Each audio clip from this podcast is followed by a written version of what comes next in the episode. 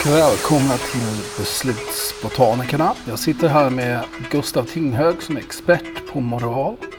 Och jag heter Daniel Westfjell. Jag är inte så bra på moral. Men det är det vi ska prata om idag. Homo moralis, den moraliska människan. Vi, och vi ska prova ett, ett litet nytt grepp. Vi ska köra ett litet test live och prata om det. Jättebra. Vad, vad syftar testet till? Eh, eftersom jag nu inte har tittat på testet, för du skickade det för, för, för 30 sekunder sedan, så, så handlar det väl om moral va? Ja, bra. Det handlar specifikt om hur utilitär man är och vi ska förklara vad det begreppet är. Men först ska vi ta reda på hur utilitära vi är. Så Ja, vadå utilitära, vad betyder det? Jag sa att vi ska berätta det sen. Jaha, jag har lyssnat inte. Ja. Va? Du var lite uppmärksam på vad vi pratar om. Vi ska prata om vad utilitär är. Vi ska prata om att knuffa tjockisar. Vi ska prata om kycklingsex. Vi ska prata om att göra det här och nu. Eller i framtiden. Och att ge bort mycket av sin inkomst. Det är vad vi ska prata om idag. Och varför gräslökar ofta är so fucking rich. Gräslökar? Ja, men, du, du, du, hänger inte med i Nej. ungdomssnack. Gräslökar är ett eh, folk som är eh, egalitari- eg- egalitära, alltså väldigt vä- vänstervridna i, i sitt tänkande och eh, tänker mycket på omfördelning och sånt. Varför de all, alltid är så himla rika. Alltså sådana millennials hipsters. Ja! Ja, okej. Varför gräslökar, det vill säga millennial hipsters, är så jädra rika? Men nu känner jag att vi är oerhört mo- mossiga om vi kallar dem, om vi börjar prata om millennium Ja, men hipsters. vadå? Du är så jävla cool som pratar om dem som gräslökar då. Det är ju Yes. bara hittat på nu. Va? Var får du all den här informationen ifrån? Vad sitter du på för forum? Och Jag tänker millennium hipsters, eh, eh, in, det har ju någon slags negativ aura. Och gräslök, som du beskrev inte har det. Vi är i midsommartider.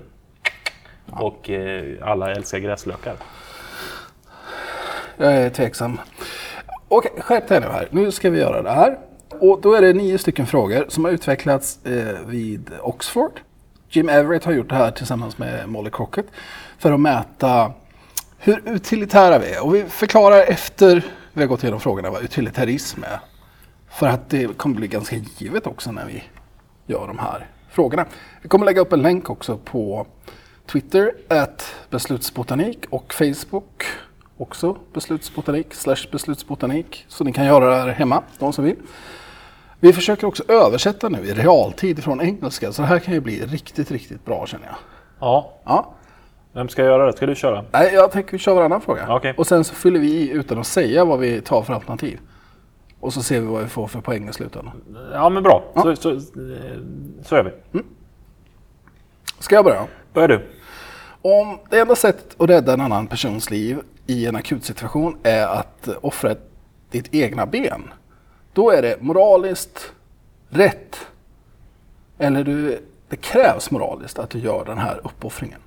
Och sen så ska man svara då i vilken utsträckning man håller med om det här på en sjugradig skala från håller inte med alls till håller helt med. Ta den en gång till så vi, för jag tyckte det var... Vi har en, en, en akut situation där en person kommer dö. Eh, och för att du ska kunna rädda den här så... Du, du kan rädda den här personens liv genom att offra ett ben. Ja. Och då är frågan så här. Är det, eh, kräver ett moraliskt beteende att du offrar ditt ben? Ja, okej. Så Det ska jag. mycket bättre nu när du gjorde det. Tyckte du? Ja, du Det var en millennial-ironi där som inte du riktigt plockade upp. Ja, så säg inte vad du svarar, jag svarar någonting här. Du svarar någonting. Där. Okej. Fråga två då. Har du svarat? Är du en sån här person som sitter och tänker jättelänge på vad som är rätt och fel här? Jag har ju då först ett intuitivt svar och sen har jag ett analytiskt svar och sen så eh, summerar jag ihop de två i en... I en- Och så, så det kommer hela tiden bli mittpunkter Fast jag summerar Håller varken med jag- eller instämmer inte. Varken eller. Precis. Ja. Vi, Bra. för det är ju så här med moral att det är, finns ju alltid två sidor av myntet. Ja. Tänker jag. Okej, spännande. Men nu får du väl försöka välja någonting. Ja, jag har valt. Jag har valt. Ska vi säga vad vi har valt eller? Ja, ja det kan vi göra. Okej, jag håller i viss utsträckning med. Jag, jag kan ju tycka att det är en viktig moralisk princip, men jag vill inte göra det. Nej, Och eftersom du inte vill göra det så tycker du att det inte är moraliskt? Alltså, om jag hade legat här och dött, Ja. hade inte du offrat ett ben då? Hade du bara Nej. stått och tittat på? Det hade jag inte gjort. Men då hade jag, det, det är fint att du inte hade gjort det. Men då tycker jag väl ändå att det är lite, lite moraliskt Men jag, kass av dig. Ja, men jag säger, jag håller ju med i viss utsträckning. Av den anledningen att jag tycker att som princip ja, men jag hade inte gjort det själv. Nej. Nej. Det är inte frågan. Frågan är om moralen kräver att du gör den här uppoffringen. Okej. Så det tycker jag man kan tolka på olika sätt. Vad har du svarat? Ja, det blir ju då på en 1 till 7 så då blir det ju, jag har, inte, jag har skrivit agree istället för Max är strongly agree alltså. Skrivit agree. Så, Mm. Så, så på du offrar ditt ben för mig? Nej, jag tycker att moralen kräver det. Ja, Därmed inte sagt att jag skulle göra det. nej, okej. Och det är väl det som är frågan egentligen, vad moralen kräver, Ja. tänker jag. Ska vi köra nästa fråga då? Är det moraliskt rätt att skada en oskyldig person om att skada dem är ett nödvändigt medel för att hjälpa flera andra oskyldiga personer? Det här är ju ett typiskt sånt gammalt trolley-dilemma, tänker jag. Ja, det är det. Som är vanligt i, inom den moraliska litteraturen. Det vill säga, det kommer ett tåg ner för eh, rälsen. Ja. Du står vid eh, spaken och kan liksom dirigera om det här eh, tåget. På rälsen ligger det fem arbetare som kommer att bli överkörda om du inte gör någonting. Du kan dirigera om tåget och till ett sidospår där det ligger en person. Det är ju det klassiska trolldilemmat. Just det, så vad du än gör, vad, vad du än gör, Mm. så kommer någon dö. Ja, Det är frågan om det är en eller fem. ja. Och gör du ett aktivt val så dör en. Gör du ingenting så dör eh, fem. Just det. Så aktivt så switchar jag över till det här sidospåret och då dör en person. Ja. Annars så går det bara vidare och dödar fem personer. Vad gör du? Ja, Jag gör nog som de flesta att, att i det här läget så skulle jag switcha. I alla fall som en moralisk princip. Sen finns det en variant på det här som heter footbridge. Och det är egentligen samma sak. Va? Fast nu står du uppe på en bro. Eller hur? Ja. Bredvid dig står en ganska tjock man. Jajamän. Tåget kommer på en räls och Jag åker. skulle, ja, den är inte tjock, han är ju stor, eller hon är stor. Okej, stor. Abnormalt stor. Okej. Ehm, tåget kommer på rälsen. Skenar mot fem oskyldiga arbetare. Du har ingen antipati mot den personen som står bredvid dig uppe på bron. Nej. Frågan är, skulle du putta ner den här tjockisen, stora personen, från bron ner på spåret? För den är så stor så den kommer stoppa tåget. Precis, det, det, det är ju en viktig information också. Ja. Ehm, Hur skulle du göra här då? Hur jag skulle göra Ja. eh, är att jag skulle inte knuffa tror jag. Nej. Eh, Men vad hade jag tyckt varit moraliskt rätt? Så ja, det hade jag nog tyckt att kanske om jag sitter och tänker i ett mörkt rum att det kanske är moraliskt eh, det rätta att, att knuffa. Och det här kallas footbridge. Ja. Men det här ju blir otroligt mycket mer emotionellt jobbigt och, och, och, och även om konsekvenserna är detsamma. I det ena drar vi en spak, i det andra knuffar vi. Ja. Eh, det känns, de flesta väljer att dra i spaken eh, när man Ja. kör det här experimentet. Kanske 80, 80 procent. Men det är ju väldigt få som väljer att knuffa. Just det. Trots att det är samma, egentligen samma beslut. Ja. Men i det andra fallet så blir det mycket, mycket mer emotionellt. ja. Det har bland annat eh, Joshua Green visat i hjärnavbildningsstudier att det blir mycket mer emotionell aktivering när man knuffar tjockisen än när man switchar över spåret. Ja. Men det är också en stor skillnad om man frågar, precis som, som vi varit inne på, huruvida man skulle göra det själv eller om man tycker det är moraliskt rätt. Ja, just det. Just det. Och det kanske inte, vi kanske får bestämma hur vi svarar. Ja. Moraliskt rätt tänker jag att de här frågorna är. Ja, det är det jag också tänker. Så, men det, är- det, det är lätt att, att falla i fällan här nu när vi pratar runt. Att vi Ja. vad skulle jag göra själv? Okej, eh, jag... Så du svarar på den här frågan. Ja, jag- är det moraliskt rätt att skada en oskyldig person om det innebär att du kommer rädda andra, eh, flera andra oskyldiga personer? Ja, men jag tar agree. Jag kör också agree. Jag vill inte ligga i ytterkanten här. Det kan vi prata om Ja. en annan gång varför Ja, det- inte vill göra det. Eh, tror jag vi har pratat om tidigare podcast. Det beror på att du är svensk och inte vill ha så stark kognitiv dissonans. bra. Eh, vi, ja, vi, vi, vi glömde säga någonting om varför den här personen är stor. Va? Det har ju Varför med- den är stor, det, det finns väl inte inne i moraldilemmat. Personen som vi ska knuffa ut eh, från eh, bron är ju stor av en anledning. Ja. Det vill säga att det, det, det, för att vi, vi själva inte ska kunna offra oss. För det, Jaha, jag tror du skulle försöka förklara att han har ätit för mycket.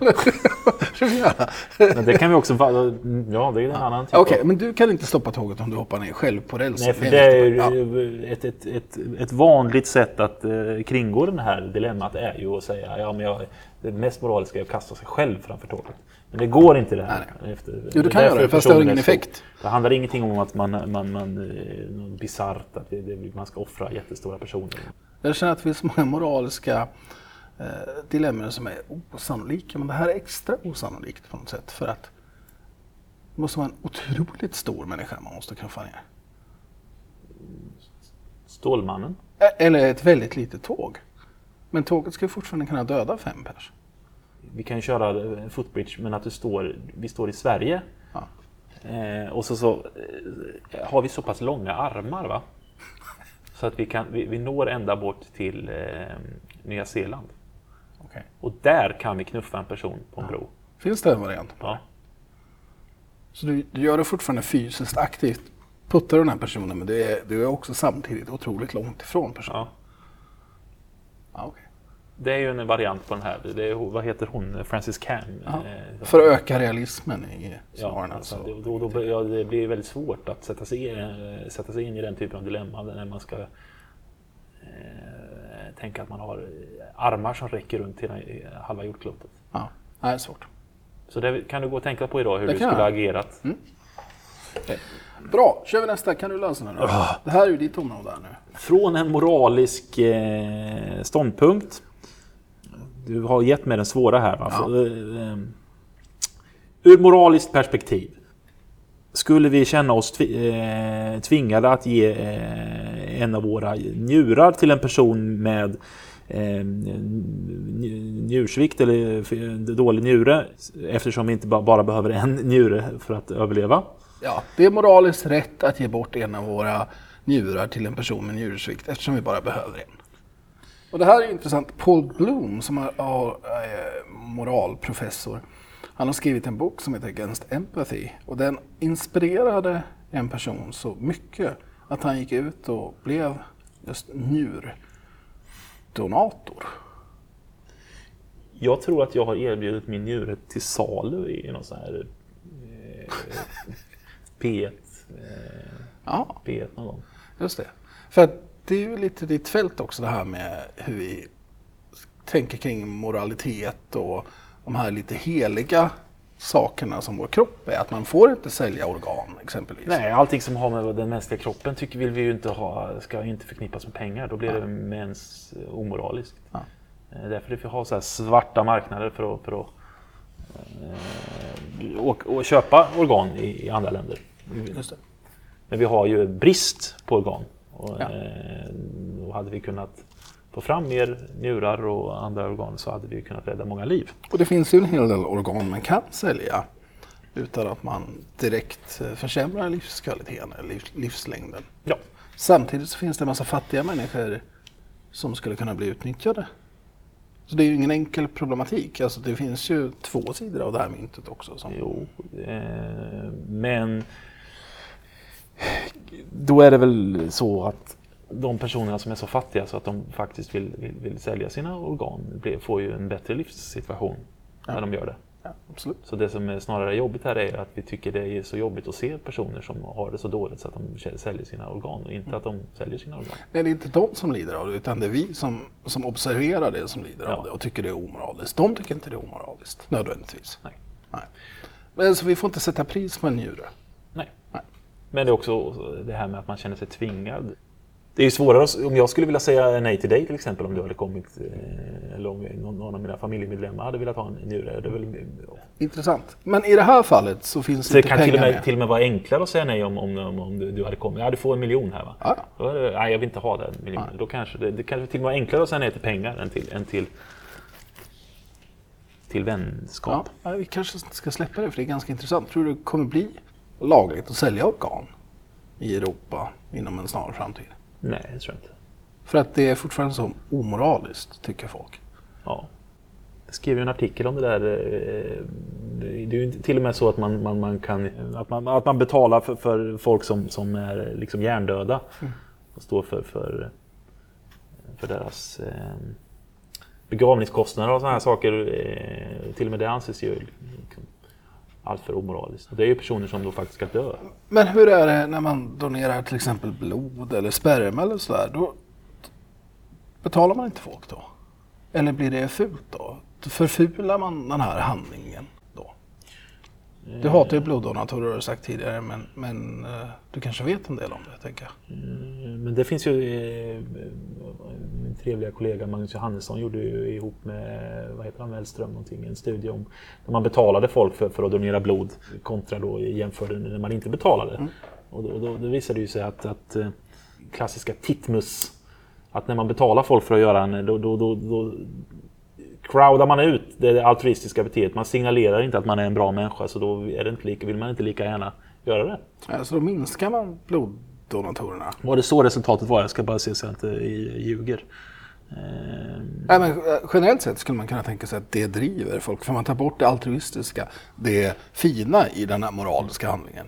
Ja. Nu, nu ger jag med mig, ger jag liv till andra människor. Ja, det är det, det är det som är betalningen när man går och donerar Ja. blod. Att jag är så- en riktigt fin människa. Och då får jag då lite betalt för det så, så signalerar jag inte ut att jag är en riktigt fin människa. Då befläckas det med Ja. någon slags fula pengar. Ja. Och- Men om vi betalar riktigt rejält Ja. så är det klart att man går och donerar pengar. Det, Men, men hur är det med Så- spermadonationer då? För det, det är ju en, en ful handling från början kanske för många. Är det samma sak som gäller där? jag vet väl inte det. Nej, jag tänkte, brukar du få betalt när du Ehm, donerar? vad sa du? Brukar du få betalt när du donerar? Eh, Jag har ju aldrig donerat vare sig sperma eller blod eller, eller hår. Ehm, Hår? För det är också en annan handling. Det kan man ju tycka så här. Jag vet inte om folk går omkring med sån här t-shirt, jag är spermadonator, som man går omkring med, jag är blodgivare. Det är inte samma signalvärde riktigt i det. Bara för att det är mer intimt. Så hypotesen är att spermadonatorer får betalt. Ja.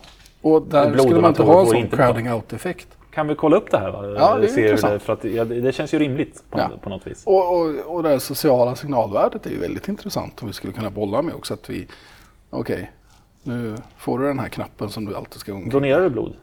Nej, inte längre. För att jag har en sån konstig, jättekonstig blodsjukdom så det ser ut som jag har cancer hela tiden. Okej. Men jag har inte det. Men de tror att det är fel på mitt blod. Det gjorde mig jädreförbannad. när Jag upptäckte det, att de har kastat mitt blod i många år. Därför att det, det ser dåligt ut. Jaha. Det, det tar ju bort altruismen i det hela kan jag säga. Jag har gått omkring och varit en duktig människa tycker jag. Och så har han bara liksom Du har, fort, du har fortfarande varit en, en duktig människa? Det är väl bara det att du inte får... Du kan inte längre, föreställa dig att någon, någon annan människa har Nej. eh, njutit av Så ditt den blod. informationen vill jag inte ha. Nej. Nej. Men vadå, skickar de hem det? Vi har kastat ditt blod i tio Nej, år. men när det uppenbarade sig att eh, när man tar blodprov på mig så ser det ut som att jag har någon form av, av problem indikeras. För jag har överproduktion av vita och röda blodkroppar. Gilberts syndrom heter det. Och det innebär ju att när de, för man testar ju blodet efter man har donerat det. Och får man en sån indikation så använder man ju inte blodet. Nej. Och det fick jag inte reda på från blodbussen naturligtvis, utan från doktor i undersökning. Att ah, du kan sluta med det här. Då fick jag också en licensing, så här, ah, jag behöver inte. Frikort, moraliskt frikort. Ja, skönt. Okej, men nu Men tillbaka. ska, vi- ska vi göra som så att vi nästa avsnitt så jag kan gå, gå och donera blod och så går du och donerar sperma och så, berättar du hur det går till. Vi kan väl dra lott om det. Vilken, vilken jag. Ja, Okej, ja men det gör vi. ja men det gör vi. Ja, så kör vi. tar vi nästa fråga. Andan i den här frågan är att eh, politisk, political oppression, vad är det på bäst, bästa svenska? Att använda sig av någon slags, eh, Politiska tvångsmedel. ja, kan vara okej under kortare tider. Tortyr exempelvis. Om det ökar välbefinnandet och lyckan under längre tid. Och för folk i allmänhet. Ja. Är det, är det okej att eh, kränka individers mänskliga rättigheter för att eh, öka eh, nyttan på lång sikt? Välbefinnande. Äh, här, Ja, här, välbefinnande. Ja, det här håller jag inte alls med om. Så det, jag ger en etta på det här. Varför inte det då? Jag behöver inte rättfärdiga det, det är min intuition. Jag tycker inte man ska köra över folk. För att det här är också politiskt. Så jag tänker direkt att det är vissa grupper som kommer bli speciellt utsatta. Och det är lätt att översätta det här till att ah, nu har vi gjort det här och det funkar jättebra, låter det vara så bara. Så du har någon slags slippery slope Ja. eh, argument här. Så Ja. börjar man gå in här på det här. Eh, men det är ju i grund och botten, eh, om vi skulle säga det, är det här med att offra ett, ett, ett, ben här. Det är ju... Jag förstår det. Men för mig är det här väldigt likt eh, Trumps eh, gränskontroller nu när vi separerar föräldrar och barn. Därför att vi ska skydda landet. Mhm. Och avskräcka folk från att ta sig in i landet. Berätta vad han har gjort. Vid den mexikanska gränsen nu, så det uppmärksammas ju väldigt mycket just för tillfället, så har han gått ut väldigt hårt med, eller han, regeringen har gått ut väldigt hårt med att eh, det är ingen idé att ni kommer hit med era barn, därför att vi kommer separera familjerna, alltså barnen omhändertas och sätts i fosterhem.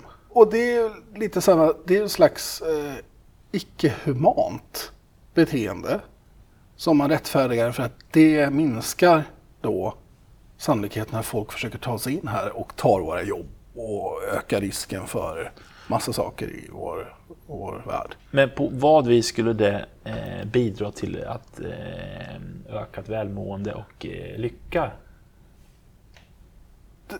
Därför att då kommer inte folk att ta jobb. Det är, vi säkrar gränserna. USA blir tryggt. Om man, Ja. nyttan Nu, nu är det ett dåligt exempel för det är olika länder. Men man skulle kunna tänka sig på samma sätt här att, att det är en speciell grupp som får stå tillbaka på något sätt. Och det gillar inte jag. Så, Nej, jag tittar på den här The Handmaid's Tale. Har du Ja. kollat på den? ja, Jag drömmer mardrömmar varje natt. Ja. Jag kan inte koncentrera mig. Det är ju... jag tycker den är fruktansvärt bra men fruktansvärt jobbig att titta på. Ja, för att det, det, är ju inte, det känns inte som att vi är så många steg ifrån en dystopi. Ja, några steg. Ja, det är klart att det är Ja. några steg. Men, men hela grejen att det finns någon typ av... Att det inte bara är Jo, fiction, liksom. det, det, det är ju det som är jobbigt med Ja. den. Det är ganska lätt att tänka sig in i situationen. Därför det blir lite, lite jobbigt.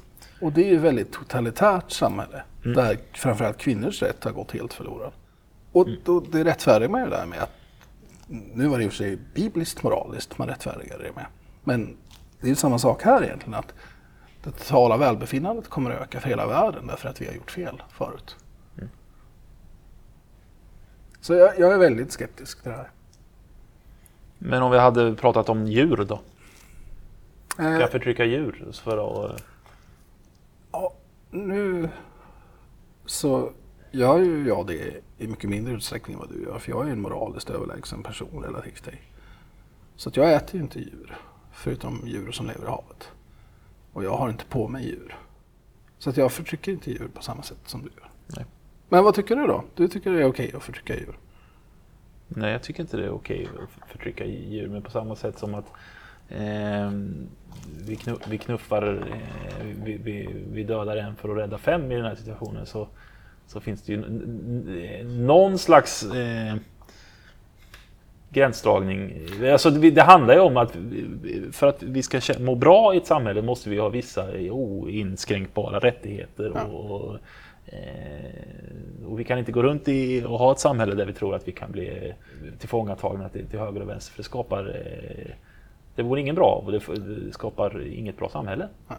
Så på något vis så går ju all- alltid det där, nästan alltid i alla fall, i hand i hand. Att, att inte kränka folks mänskliga rättigheter leder ju också till att vi har ett, ett ökat välmående. Och, men, men, men när vi pratar så här, terrorism och sådana här saker så, så då, då, då kränks ju eh, individens mänskliga rättigheter och folk utsätts för, för eh, övergrepp. Ja, För, för, för att vi ska skydda liksom Jo, det görs ju, men jag tycker ju det är fel också. Jag tycker ju speciellt när man identifierar hela grupper av individer och drar dem över en kam. Och gör inreseförbud eller profilerar folk baserat på vad de eh, har för religion eller hur de ser ut och sådär. Det är ett problem naturligtvis.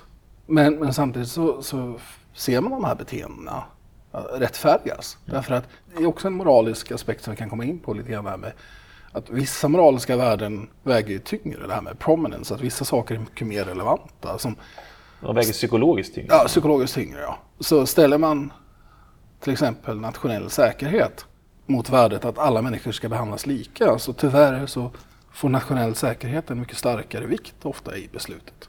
Mm. Vilket kan förklara exempelvis varför man accepterar eh, ganska hårda bakgrundskontroller på inresan i USA. Mm. Det är samma sak som man pratar i hälso och sjukvården. Patientsäkerhet är någonting som ett, ett, ett värde som alltid betonas. Liksom. Ja, man hör på nyheterna då den här nya reformen kommer liksom bidra till, till eh, att eh, patientsäkerheten eh, sätts i fara. Mm. Samtidigt som, som, man då glömmer bort andra typer av effekter. Liksom, kan vi hjälpa fler patienter? Eller, kommer folk överlag bli, bli, bli friskare och så vidare. Men så fort patientsäkerheten, det vill säga att vi får någon slags risk att det går dåligt för någon, så väger, slår det ut alla andra typer av effekter. Det är intressant för just moraliska argument kan ju bli som sådana här imperativ, saker man inte ifrågasätter alls. Mm. Utan det är så här bara. Mm. Och det får, säger du emot mig om jag säger att alla människors lika rätt, då är du en dålig människa per automatik om du säger emot mig. Mm. Eh, och därför gör du inte det. Men ofta så är det inte så enkelt utan det ställs mot någonting annat, en, en ökad kostnad eller en orättvis fördelning och så vidare. Så det är ett problem tycker jag med, med de här moraliska argumenten som är så starka, har en sån inneboende, in, ett så starkt inneboende rätt svar. Mm. När de används på det sättet. Men det, vi, nu hamnar vi lite grann på det här med deontologi och alltså att, att det finns vissa, mm. vissa regler mm. Som man alltid ska följa. Man ska inte göra folk illa till exempel. Och det, och eh, det är en typ av moralisk regel som man vill följa istället. Och, det, och mot andra att vi alltid ska maximera någon slags Just det. Nytta eller utfall eller vad det nu är, handlar om. Va? De ställs ofta mot varandra, ja. lite felaktigt. Deontologi, som är någon slags levnadsregel. Ja, slags Man ska inte döda någon. Ja. Och utilitarism som handlar om att maximera nytta. Mm. Och man kan ibland få offra liv mm. för att maximera det, det, stora goda, så att säga. Och de står ju ofta i, i stark kontrast. Mm. Och, det var anledningen till att jag kom in till det, på det här nu va, var ju för att du sitter ju här nu och, och signalerar ut lite deontologiska, alltså lite mer regel. Det finns vissa saker som är oinskränkbara oavsett vad det har för konsekvenser och så vidare. Eh, ja, nej, jag, det får jag bara förtydliga. Jag sa inte att, att jag tycker att det är det korrekta. Alltså att det används ofta så. Mm. Ett moraliskt imperativ på något sätt. Det är oinskränkbara rätta. Eh, sen så, så säger inte jag att det ska vara så. Men, men, man använder det ofta i diskussioner på det sättet. Men för jag tänkte bara komma till, folk tycker bättre om personer som är deontologer ja. än, som, än som är utilitarister. Ja, men så är det. Eh, för att det liksom, man, man utstrålar, någon, eh, utstrålar någon slags värme och eh, medmänsklighet. medmänsklighet. Ja. Eh, de som inte knuffar, de som inte drar i spaken på den här trolleydilemma. Just det, man, man vill man vara är... kompis med, med deontologer, inte med utilitarister. Ja. För de kan när som helst fuck you over. Liksom. Så ska man signalera någonting så ska man inte signalera att man är puttar. Nej. Nej men så är det. Om man ska vara, vara strategisk i, sitt, i, i hur, vad man skickar ut för moralisk bild av sig själv. Tänker jag, tänker jag, jag vet inte. Men det... ja, och, ja, och därför ska det bli intressant att se vad vi får på det här testet. Ja, för att se hur vi är faktiskt. Ja. Men, men det här med alltså, utilitarismen, det alltså, handlar alltså om nyttomaximering och vi kan ibland offra liv. Till och med. Um, ja. Så en utilitarist i det här trolley-dilemmat försöker maximera antalet personer så han drar alltid switchen. Han knuffar alltid tjockisen i footbridge-dilemmat. En utilitarist i det här sammanhanget bryr sig om konsekvensen ja. Eh, och, och, att maximera eh, alltså välfärden för, för ja, i det här samhället, i samhället i stort. Så det handlar inte om att bara maximera sin egen välfärd. Men, men, men det, eh, Just det, så, så, ibland får man själv ta lite smällar om det är till det, till det för, för samhällets bästa eller för gruppens bästa. Till och med. Ja, utilitarismen är ju opersonlig. Alla personer har lika värde. Mm. I, I den bemärkelsen att mitt liv är inte mer värt än någon annans liv. Just det. Och så det... fungerar ju inte vi, som, utan vi lägger ju extra värde för vår familj och, ja. våra egna. De, nej, men för de... Det är lätt för mig här att sitta och säga att nej, men, ja, absolut, vi, kan inte, vi ska inte äta djur. Kan jag sitta och säga. Men skulle valet vara att äta ett djur eller att, att uh, min, någon i min familj skulle bli överkörd på ett uh, tågspår. Mm. Så klart skulle jag äta upp den här kon och sen mm. hoppa ner och stoppa tåget. Mm. Det är ingen snack om det. Så det finns ju vissa över... Men gör det dig mindre moralisk eller? Det är det som är intressant också med de här ingruppeffekterna. Att jag kan ju fortfarande tycka att jag är jättemoralisk. Och jag tycker att det är moraliskt rätt att, att jag faktiskt behandlar de som är närmare mig på ett annat sätt än de som inte är lika nära. Jag tycker ju inte att alla människor har ett lika värde på, någon, på något sätt. Nej. Men vi tycker att alla har ett värde. Ja. Det kanske inte, vi kanske inte tycker att det alltid är lika. Det, nej, det, det tror jag är väldigt få som gör. Det, det, det finns väldigt få hardcore utilitarister om man ska vara ärlig. Peter Singer igen. Fast även han hade ju problem med att han, han har ju beskrivit i sina, sin forskning. Han tycker då att man ska maximera nyttan för alla. Han hade väldiga problem med att han reagerade väldigt eh, starkt emotionellt när hans mamma blev sjuk. Och, och gav extra pengar till hennes medicinska behandling. Och han, än idag, han är ju gammal själv nu, så, så är det här någonting han ångrar. För att han blev, var mänsklig på något sätt. Mm, det är intressant. Mm. Eh, och det hänger ju också ihop med, eh, nu vet jag inte vem som skrev den här boken, men If you're an egalitarian, how come you're so fucking rich? Eh, Ja, just det. eh, Nu är vi tillbaka på det. här. Ja, gräslökarna. Ja. Att väldigt många av de, de, de eh, filosofer och, som, som, som är proklam, eh, propagerar ska jag säga, för, för, för mer eh, omfördelning och är ju faktiskt sitter ju sen själva på, är väldigt rika. Supersjälviska. Ja. Eh, och hur, vad, vad beror det på? Är Kan du förklara det? Ja, men det kan väl vara den här skillnaden mellan vad som är normativt rätt Mm. och vad jag sen gör. Mm. Det, det tycker jag är ett återkommande tema i vår podcast är att det finns en sanning på något sätt som vi vet att så här borde vi göra. Och sen så vet vi också om att vi gör inte på det sättet. Nej. Och, och det tycker jag är ett problem om man är en moralfilosof. Om man inte lever efter sina egna regler. Mindre ett problem om man är beteendeekonom. För att vi är inte normativa på det sättet. Vi beskriver hur det funkar medan filosofer ofta är normativa. De säger så här bör du leva ditt liv. Så att, men samtidigt är de bara människor. Ja. Eh, Vi har ju problem oftast, med, vi pratade, har pratat tidigare om det här med ko- kognitiv dissonans och att, när, att vi, när vi inte är konsekventa i, vad vi, i vårt beteende. Att det är bland det, det värsta vi vet. Och det är jobbigt för en själv också, men, men, men, men på något sätt så lyckas vi, när det handlar om moral, ofta övertyga oss själva om vår moraliska förträfflighet. Även, kanske vi, eftersom, även om vi, när vi inte lever efter så som vi, Men så som är vi det. lär. Det, det, vi har varit inne på det tidigare på podcasten, men det är väl sannolikt så att vi tror att vi är mer moraliska än medelpersonen också. Mm. Vilket ju igen är en statistisk omöjlighet. Alla kan inte vara mer moraliska än medel. Så det är också ett sätt liksom att, att tänka att eh, man är en riktigt god och bra person. Och att, man, att det kan vara okej att göra lite dåliga saker ibland. Ja, för det är ju helt, tänker, jag tänker så här att det är helt orimligt att tro att man ska vara moralisk.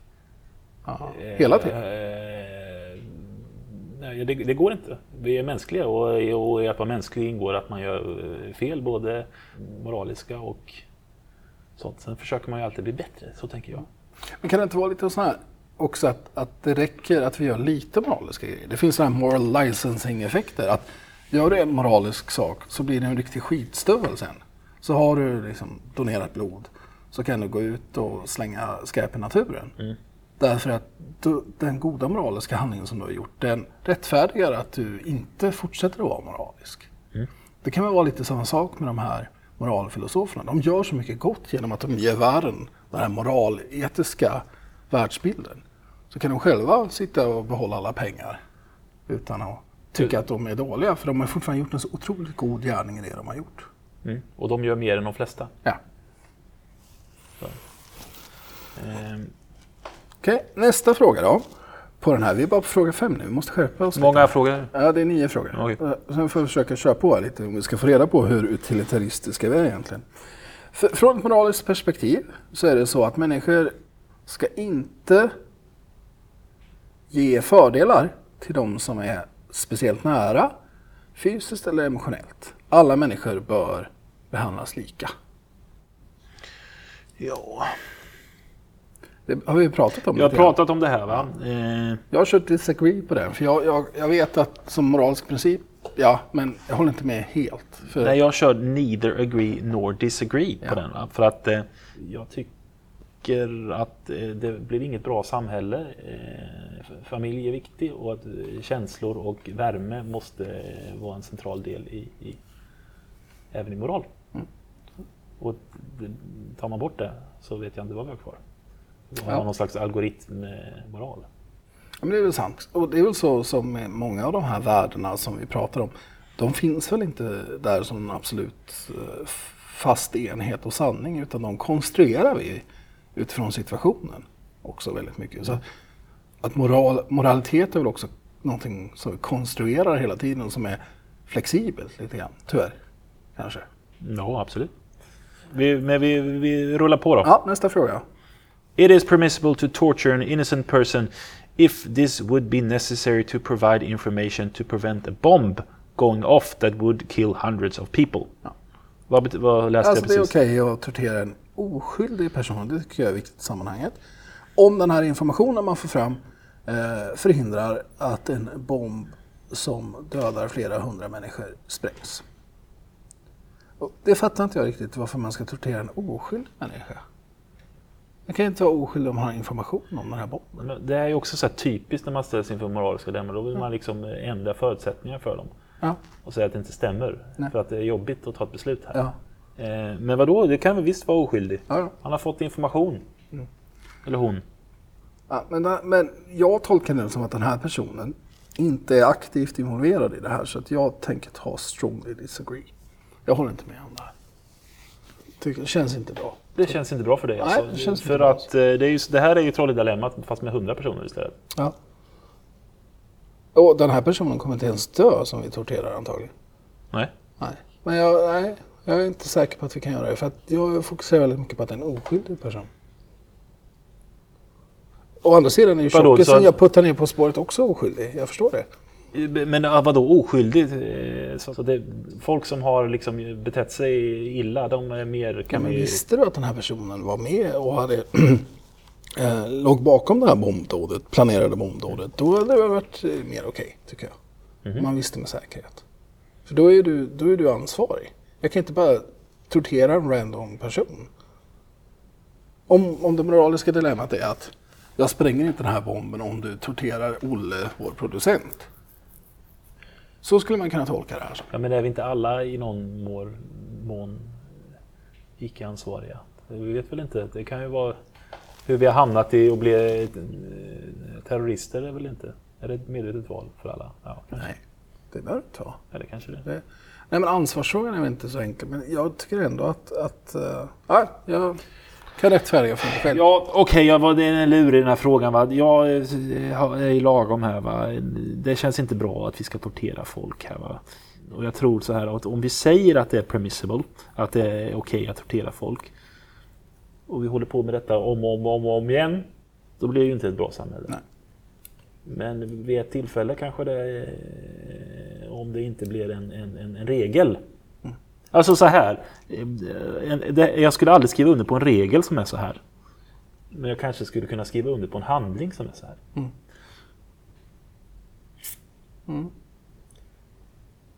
För är det inte så, vi måste, jag vet att vi måste göra klart den här skalan, men är det inte så att det finns vissa saker som bara är heliga på något sätt? Som vi absolut inte vill, vill göra. Som, en sak kan vara att inte döda någon, men sen kan det också vara vilka känslor det väcker. Så jag, jag, jag kan tycka att det är lite äckligt, den här idén. Att tortera en människa. Jag kan tycka lite, mm, absolut. Och, och men det är väl klart att det är... är en sån här viktig moralisk emotion, eller hur? Ja, ja, Eller som, som kanske inte är den bästa moraliska kompassen, men den är viktig för oss, för den signalerar direkt att nej, nej, nej, det här gör vi inte. Nej, och det var precis som vi var inne tidigare med pengar och, och, organ. Vi också väck, väcker ju viss äckelkänsla. Va? Det, det är någonting som, som det känns inne i, i... Jag tycker också att det känns liksom jättekonstigt att tor- tortyr väcker ju faktiskt äckel. Det ska vi inte göra. Eh, Så man kan i princip inte tänka på konsekvenserna sen. Nej. Eh, Det är väl det, det, det hela. Det är fel, det är fel, det är fel. Oavsett vad konsekvenserna är. Ja. Så det blir någon slags eh, stopp. Ja, det är lite så här känslobaserat. Bara, nej, vi gör inte det här för det är äckligt. Jag tänker på John Haids forskning kring det här med äckel och, och moralitet. Han har visat att en av de här moraliska fundamenten är ju bland annat hur äckelmagade vi är. Alltså hur, hur moraliska frågor väcker någon typ av äckelkänsla. Ska vi gå in på den här eh, ha sex med kyckling här nu? Jag tycker det. Eh, Kan du beskriva det scenariot som John Haidt använder? Det är ju jättepoppis. Eh, det kan jag kanske göra. Du får väl eh, fylla i om jag eh, hi- hittar på någonting. Ja. Vad är frågan egentligen? Tycker vi det är okej? va? Frågan är om vi tycker att det är okej. Ja. Ja, precis. ja, det är en person som, som köper sig en fryst kyckling Ja, fryst där, det är inte en levande kyckling. Nej. Och går loss med den. Ja. Ha sex med den helt enkelt. Ja. Tycker vi det är okej? Ja, det är frågan. Tycker vi det är moraliskt rätt? Ja. Vad tycker du? Alltså, jag tycker att han får göra vad han vill med sin kyckling egentligen. Men samtidigt så är det ju äckligt när man tänker på själva handlingen. Och det Och så sen de det var flesta- dessutom han äter den efteråt. Va? Någon Ja, är- det gör han. Eh, Han tillagar den och äter den. Det är ju äckligt. Men igen, han får väl göra vad han vill. Och det viktiga i den moraliska dimensionen är att det är en död kyckling som varken mår sämre eller bättre av den här handlingen. Så egentligen så, så borde det inte ha någon slags moralisk dimension alls kan man tycka. Nej. Men ändå så får folk väldigt starka äckelresponser. Och säga att det här är moraliskt förkastligt. Ja, det här ska man inte göra. Det är helt fel. Nej, men jag, jag, jag tänker att det är ett väldigt enkelt sätt att fatta moraliska beslut. Det är att gå på det här som äckelkänsla. Och det har ju, om man drar det i förlängningen då, så, så har ju John Haidt sett att det kan också göra, förklara varför man, om man till exempel har en väldigt stark kristen värdering där det inte är okej med samkönad eh, äktenskap, varför man är väldigt emot det. Därför att det väcker en typ av känslomässig respons hos dem. Och därför så tänker man, det här är fel. Det här är helt moraliskt förkastligt. Och då är det väl enligt Heights teori lite grann så att man får en intuitiv respons av äckel eller vad, man nu, vad det nu vill vara. Och sedan använder man ju sin analytiska förmåga att liksom bekräfta den. Ja, Så det är inte tvärtom. Att vår moral baseras på vår intuition, intuition och emotion. Och sen använder vi vårt analytiska tänkande att, liksom, att, att bygga upp en, en teori kring varför, vår- varför vi tycker som vi tycker. Det är hans... Eh, ja och han har någon slags evolutionär, evolutionär förklaring. Att det är det som har förhindrat oss att ha som för, förhindrar incest och sex mellan syskon och sånt här därför att det ger en äckelrespons. Och sen har det över tid blivit institutionaliserat till någon slags moral som är väldigt analytisk och det här är rätt och det här är fel. Men i grund och botten så är det våra känsloresponser. men också att det, det är intressant att det finns någon slags biologisk grund för, för att förhindra inavel i det, i det här fallet. Men, och, och, ja. Ja, precis. Men det är också det här med att vad, vad, som, är, vad som är äckligt och vad som är, vad som är moraliskt äckligt förändras ju över tid. Va? Eh, och även över olika kul, kulturer. Det var ju inte jättelänge sedan som det ansågs liksom nästan moraliskt äckligt att, att ta ut ränta när man lånade pengar. Eh, alltså det, det var Ocker. att utnyttja ocker. Va? Eh, det är inte så många som skulle tycka det idag. Nej. Eh, Det är en viktig aspekt. Att, att det, den här förändringen är inte bara på jättelång tidsskala utan det kan vara på, på hundra år. Liksom, som det som samhället ser som äckligt, moraliskt äckligt, förändras. Och vi, och vi också så, det med att äta hästar och sånt där. Det finns ju Ja, eller nu, äta hundar, så äta husdjur är ju väldigt... Ja. Det var ju, blev ju, det var ju för några år sedan de här, det var fem stycken ungerska vildhästar som åkte med i någon lasagne. Ja, just det. Vi fick ju slänga varenda lasagne i hela... Det var inget fel på dem. Jag, min eh, svåger ju på Coop så jag fick eh, sån här hästlasagne. Ja. Du kunde sitta och äta dem utan att känna någon slags... Ja, jag kände inte någon moralisk Nej. eh, tveksamhet kring det. Och jag kände inte heller att det var äckligt. Va? Så det, häst... Nej, men häst, häst är ju lite så här mittemellan. Nu sitter inte jag här och argumenterar för att vi ska börja äta hästar. Eller det kanske vi redan gör, jag vet inte. Det är inte moraliskt rätt att äta häst. Eller är det moraliskt rätt att äta häst? Det är neither or, Bra. eh, skulle jag säga. Snygg övergång. Nu kör vi då nästa fråga. Men vänta då. Har inte du svarat redan? Ehm, det var någonting här. Vad, vad pratade vi om precis? Äckel. Eh, äckel, äckel, äckel. Moraläckel. Så det, den här dvärgkastnings... Ja, vi skiter i det. Dvärgkatt, att, det är, att det är kul men moraliskt fel. Ja, det, fin- det, det, Alltså nu kommer vi in på vad som är politiskt korrekt också. Ja. Som är väldigt spännande frågor. Här nu är vi ute på väldigt minerad mark känner jag. Ja, jag vet ju den här eh, Al Roth Ja. fick ju Nobelpriset någon gång eh, i ekonomi. Eh, hade ju det här tydliga exemplet med, med dvärgkastning. Och att det finns ju många dvärgar, eller dvär- kallar man, jag tror man kallar det för... Små växter kanske? Ja, det är inte skillnad på dvärg. Nej, jag vet inte. Det här, nu, Han säger dwarfs i alla fall. Ja. Eh, och då ska jag använda det här nu då. Eh, jag ber om ursäkt om jag använder det fel. Att, att, framförallt då i, Frankrike så är det vanligt förekommande, eller var vanligt förekommande, att dvärgar försörjde sig genom att bli dwarf-tossing, att de blev kastade på så olika barer. Ja. Så, här, så kunde man tävla i hur långt man kastade en dvärg. Ja. Och det var bra betalt tydligen. Så att det var många som, men då var det någon som tyckte att det här, det här var omänskligt och det var eh, repugnant som är begreppet som de använder. Alltså, så det, det, det inrättades en, en lag mot att man förbjöd dvärgkastning. Med konsekvensen att alla de här blev arbetslösa? Ja. Ja. Eh, och det här är också då ett tecken på, på att den här typen av vad vi tycker är men du, du, dvärgarna ställde ju upp på det här frivilligt. Va? Det var ju inte så att de tvingades Nej, till, till att så. Så, att, så det hade, då, då hade ju en stor inverkan på också sådana ekonomiska på vilka marknader som är okej och vilka marknader som inte är okej. Det är väl det som det är ty- tydligt. Och att det förändras över tid och hur det påverkas av moral. Eh, Och det kan vara lite svårt att, att förutse vad som vi tycker är moraliskt äckligt. Det är intressant för det finns sådana här moraliska marknader som organdonationer är ju jättebra. Och organförsäljning är ett jättebra exempel på moraliska marknader. Men Ja. kärringkonk då, som är en, en, en, annan, en annan gren i det här sammanhanget. Alltså där man, eh, män Ja. bär kvinnor Ja. på ryggen. Men de får inte betalt. Det är väl det som är poängen. Och, och de gör det på något sätt i par. Det, det, man går inte ut och tar en, en random kvinna och springer omkring med henne. Det, Tror gör man så- inte med dvärgkastningen heller inser jag. Vi får kolla upp om den här lagen är att det, jag tror inte man får gratis kasta dvärgar. Nej, nej. Och det som är intressant är också att man lägger någon slags moralisk dimension på just den här utsatta gruppen då, som man tycker är utsatt. För det finns väl ingen lag mot att kasta människor generellt sett för pengar? Det är det som jag försökte komma åt här. Va? Att det, det, det, det, den här gruppen då anses eh, att man, man kränker den på något vis. Trots att ingen har frågat dem kanske. Nej. Ja, intressant. Ja, ja, ja, vi- det var, nu var, var vi ute på eh, djupt vatten här. Ja, jag tror vi tar oss in till land här genom att svara på fråga sju Jaha. som du ska läsa. Eh,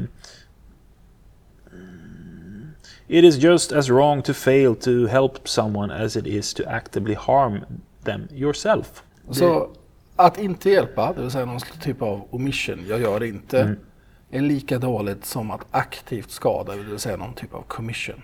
Att Ja, man så att- gör skada. Så att om vi ser någon blir eh, misshandlad och vi bara står och tittar på. Ja. Det är lika illa som att misshandla dem själv. Eller Ja.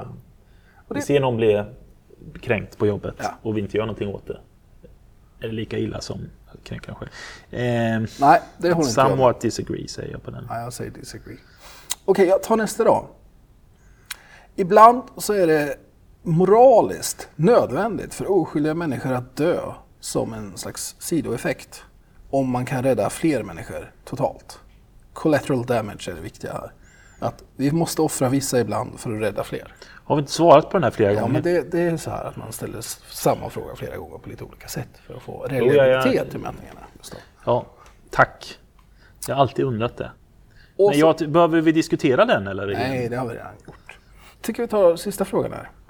Den här är intressant för nu kommer väldigt nära Peter Singer och hans effektiva altruism här. Som jag varit inne lite grann på. Att vissa av de här moralfilosoferna som förespråkar utilitarism, de behåller pengarna. Medan Peter Singer, han, är ju väldigt, han har inrättat en sån här verksamhet eller rörelse som kallas för effektiv altruism. Där, där många har gått med, där man då försöker donera så stor andel av sina pengar som möjligt. Det finns människor som är så aktiva till och med så att de, och det är ju Peter Singers förslag, att försök tjäna så mycket pengar. Håll inte på liksom och, och göra sådana här frivilliginsatser med din tid, utan försök tjäna så mycket pengar som möjligt. Bli en börshaj och sen donera så mycket du kan av din inkomst. Så nästa fråga är, Det är moraliskt fel att behålla pengar som man egentligen inte behöver om man istället skulle kunna donera dem till olika orsaker eller ändamål som effektivt kan hjälpa de som behöver det. Ja, vad tycker du då? Alltså det här är ju svårt därför att jag, jag kan ju på många sätt tycka att det här med effektiv altruism är bra. Att man ska hjälpa där det är effektivt och att vi alla egentligen kan göra mycket mer än vad vi gör. Det är Peter Singers argument. Han kör det här Child in the Pond-exemplet för att slå in det här. Så han, han säger att han har det som ett tankeexperiment där han säger att tänk dig att du är på väg till ett nytt jobb. Du har köpt en ny kostym. Kostymen kostar 6 000 kronor låt oss säga. På vägen till jobbet går du förbi en damm och när du går på vägen där så ser du att ett barn ramlar i. Du kan nu eh, hoppa i och rädda det här barnet. Mm. Hoppar du inte i så kommer barnet drunkna. Men hoppar du i så förstörs din nya kostym.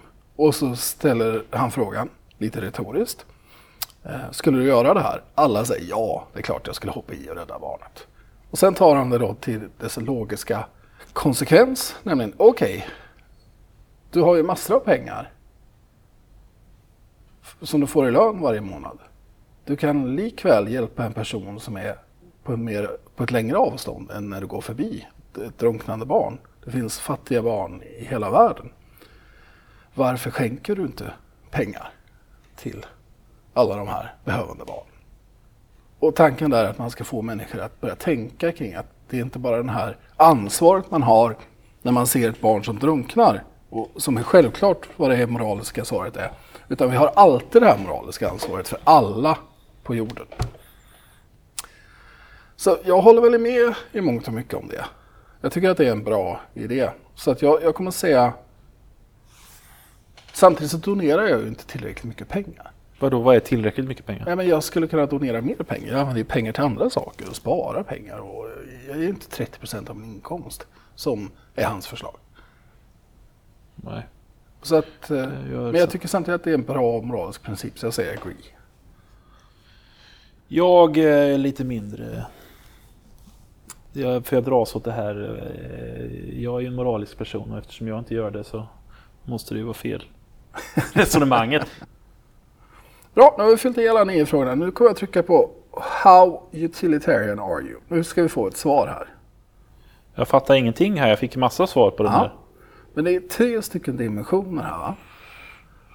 Eller det är en dimension som är uppdelad i två. För det första är den här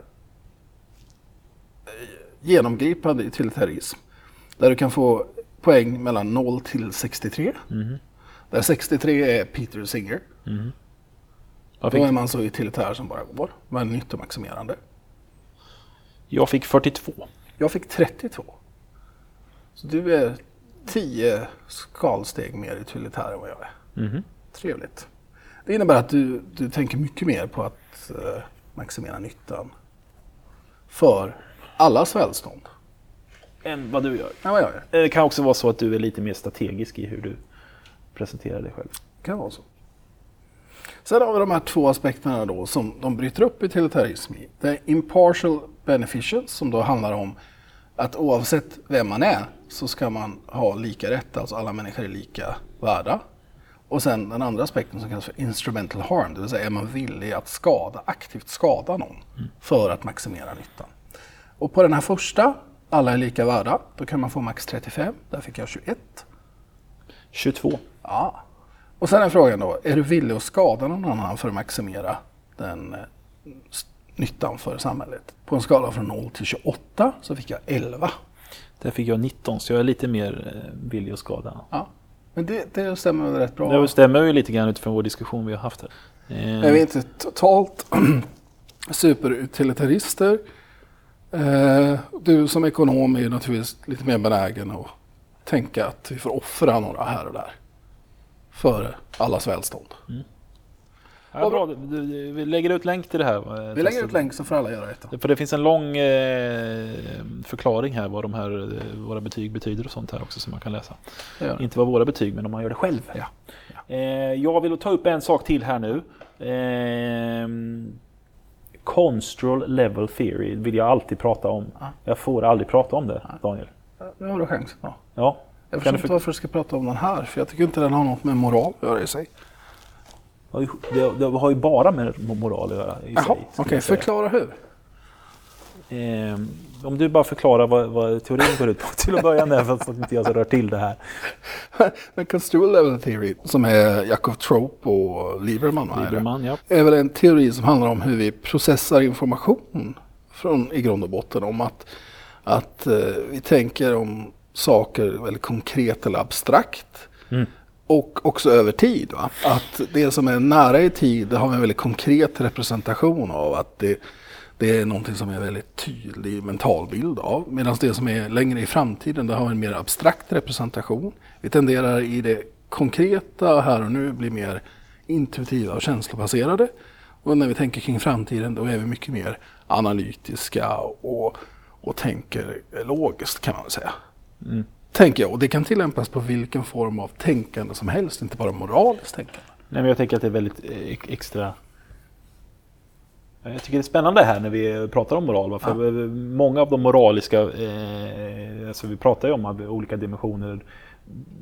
Många personer är ju kanske mer moraliska, det är abstrakta, än vad de är i det konkreta. Ja. Och tvärtom. Det tycker jag vår, vår Eh. diskussion har, har reflekterat här va? Väldigt mycket. Att när, när vi är konkreta exempel som om det handlar om min familj, om jag skulle putta, då skulle jag inte göra det. Eller då skulle jag offra ett djur eller ja, vad det nu var. Men i den abstrakta moraliska principen tycker jag någonting helt annat. Ja. Jag ty- tycker så här, det, det, nu ska jag inte jag generalisera, men en, en observation som jag tänker är att personer som är väldigt eh, abs- abstrakta i, sitt, i sin välgärning, alltså gör saker och ting för, som, folk, för, folk som är långt borta, de fokuserar på stora problem som, är, eh, som, som ja, eh, inte har med vardagen att göra, om vi säger så, tenderar att vara lite mindre moraliska i vardagen. Köra över folk, vara lite mer ovänliga var lite mindre ta hand om, om eh, folk på Konsum och Ica. Och tvärtom. Folk som är väldigt eh, moraliska i sin vardag, liksom, väldigt omhändertagande och eh, bryr sig om sig, tenderar att kanske inte tänka så mycket på, på, på, på moraliska frågor i det abstrakta. Just det. Och det är ett stort problem eftersom vi behöver vara moraliska både här och nu, de akuta behoven som finns, men också mot framtida generationer. Så det funkar inte riktigt att vara någon slags eh, Moder Teresa här och nu och ett skitstövel för framtiden, eller tvärtom. Jag tror också att detta återspeglar sig lite grann i debatten. Va? Att, att väldigt många av de som pratar om moral och, och att det är viktigt att bete sig på, på, på är de personerna som är alltså, moraliskt högstående i det abstrakta. Och att de li- lite grann pratar om hur man bör bete sig, hur man ska vara. Medan då var, eh, folk som är i, här och nu, hmm, de blir inkonsekventa i sitt beteende för de är inte särskilt moraliska i, i sin vardag. Ja, just det. Och då blir det, det blir en, en, en, en konflikt här emellan. Ja. Lite som den här moralfilosofen som cashar in alla pengarna på sin moralteori om att man ska vara så himla egalitär. Ja. Och det För finns, att det gör han i det abstrakta, men i det konkreta så sitter han med sina pengar. men jag, jag vill komma fram till att det finns någon slags moralisk imperialism här. Va? Att, eh, att folk vill, vill liksom äga moralen. Och vill använda moralen som ett vapen för att förtrycka fo- folk. Jag är en moralisk högstående individ. Och det är för jag tänker på de här abstrakta sakerna som, som eh, personer som kanske inte har eh, mental... Det är mycket enklare. Ju, mer, ju rikare man är, ju mindre problem man har i sin vardag, desto, enklare är det att tänka på, på stora världsproblem. Ja, men så är det ju. Eh, Så är det ju. Att det är lätt att sitta på moraliskt höga hästar och sen bete sig som riktig, riktig skitstövel. Skulle man titta på de här människorna som har de här abstrakta principerna i framtiden om vad, vad det är som är viktigt att göra för att eh, ha ett bra samhälle så, så agerar de ju ofta rakt emot det här och nu. Nu är jag färdig med den här moraldiskussionen, förutom att vi har ju vårt återkommande inslag. Homo moralis har vi pratat om nu, på lite olika sätt. Landskapsblomman, Gustav, det här är ju ditt stående inslag. Vem är landskapsblomman för Homo moralis? Men det är ju det som är lite lurigt här, är homo moralis, vi har inte kommit fram till det. Är det en person med högstående moral eller med lågstående moral? Nej, eller? det är eller, en person som ofta förlitar sig på the book, moralisk information när den fattar beslut. Eller ja, när den fattar beslut framförallt. Ja, alltså en regel... Ja. En person som går, har en, en, en, en regelbok. Ja, som moralisk regelbok får man säga. Inte bara en regelbok utan en moralisk regelbok.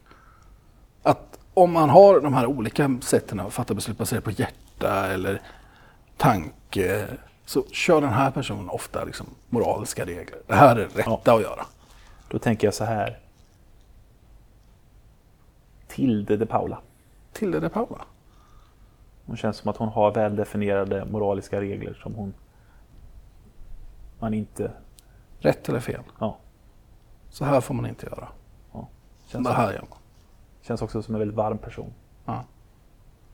Man vill gärna hänga, man vill gärna vara, vän med, med Tilde de Paula. Ja. Tänker jag. För hennes moralitet just. Ja, jag tänker också att eh, man signalerar rätt mycket. Homo moralis signalerar ju rätt mycket värme om, om, om man har eh, fasta regler. Ja. Som man håller sig vid. Därmed inte sagt att det är det- alltid det bästa. Nej, är, ja. Men så du tänker, var, ja. hänga med henne så, så rubbar det av sig lite på dig. Liksom, att det här, det här är en god människa som konsekvent håller sig till vad som är rätt och fel. Och det känns också som att det är en person som skulle bry sig om mitt välmående. Mm. Även om det liksom inte gynnade eh, TV4. Skulle hon vara villig att offra ett ben för att rädda ditt liv tror du? Nej. Nej. Bra, är vi klara nu då? Nu får det vara nog för idag. Tack för att du stod ut med mig. Ja men tack Gustav. Jag vill också säga att eh, Gustav, du vet att du kan följa oss på Twitter. Ett beslutsbotanik. Har du den här Facebook så kan du gå in på facebook.com eller se beslutsbotanik och kommentera vad vi har sagt här idag. Ja. Ska vi lägga upp lite eh, fräsiga klipp också på Facebook när vi är ute och åker såna små tåg med, Ska vi när vi var i USA och blev tagna för att vara ett, ett litet par. Ja, absolut. Det kan vi lägga upp Ja. som en liten extra En bonus. bonusmaterial. Ja. Och eh, mm, så tänker jag. Ja men vad bra. Jag tycker det räcker för idag. Med det. Med den bomben avslutar vi. Bra. Ja, tack. Tack så mycket.